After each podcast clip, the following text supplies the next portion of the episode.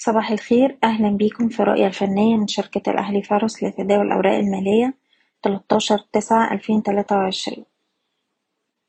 للجلسة التانية على التوالي المؤشر بيستمر في التراجع. أغلقنا جلسة امبارح على انخفاض عند مستوى تسعتاشر ألف مية أربعة وأربعين نقطة. إلا إن أحجام التداول امبارح في التراجع كانت منخفضة وأقل من المتوسط. والأداء ده بيدعم رؤيتنا بأن التراجعات الحالية ما هي إلا عمليات جني أرباح طبيعية. وتصحيح داخل الاتجاه الصاعد بعد صعود متتالي على مدار خمس جلسات وسجلنا فيه مستوى سعري جديد عند 19676 نقطة.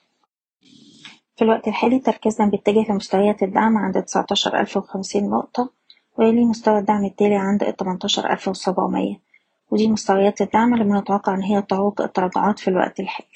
والعودة للارتداد هتواجه مستوى المقاومة عند 19676 على الأجل القصير بننصح بتخفيض مراكز الشراء بالهامش والالتزام بمستويات حماية الأرباح لكل سهم على حدة ومن الأسهم اللي كان أدائها متماسك في جلسة امبارح ومكسرتش لوهات الجلسة السابقة على سبيل المثال سهم القلعة محافظ على مستوى الدعم الاتنين وأربعين للجلسة التانية ومن هنا ممكن يعود التجربة على مستوى المقاومة اتنين جنيه تلاتة وخمسين وباختراقها بيستهدف الاتنين جنيه سبعة وستين.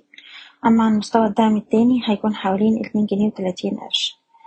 بالنسبة لسهم أموك عنده مستوى دعم عند تمانية جنيه سبعة وستين وده دعم سنوي قبل مستوى اتسجل في آخر جلستين بيستهدف السهم مستويات المقاومة عند التسعة والتسعة تلاتين ونقدر نحتفظ طول ما إحنا محافظين على مستوى الدعم الأهم عند التمانية جنيه وربع.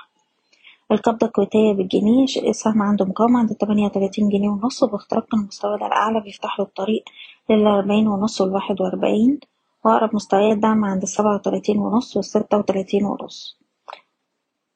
وأخيرا سهم موبكو نقدر نرفع مستوى حماية الأرباح. لأقرب دعم عند خمسة وأربعين جنيه والسهم بيستهدف مستويات الميتين وستين والميتين وسبعين. بشكركم بتمنى لكم التوفيق. إيضاح الشركة غير مسؤولة عن أي قرارات استثمارية يتم اتخاذها بناء على هذا التسجيل.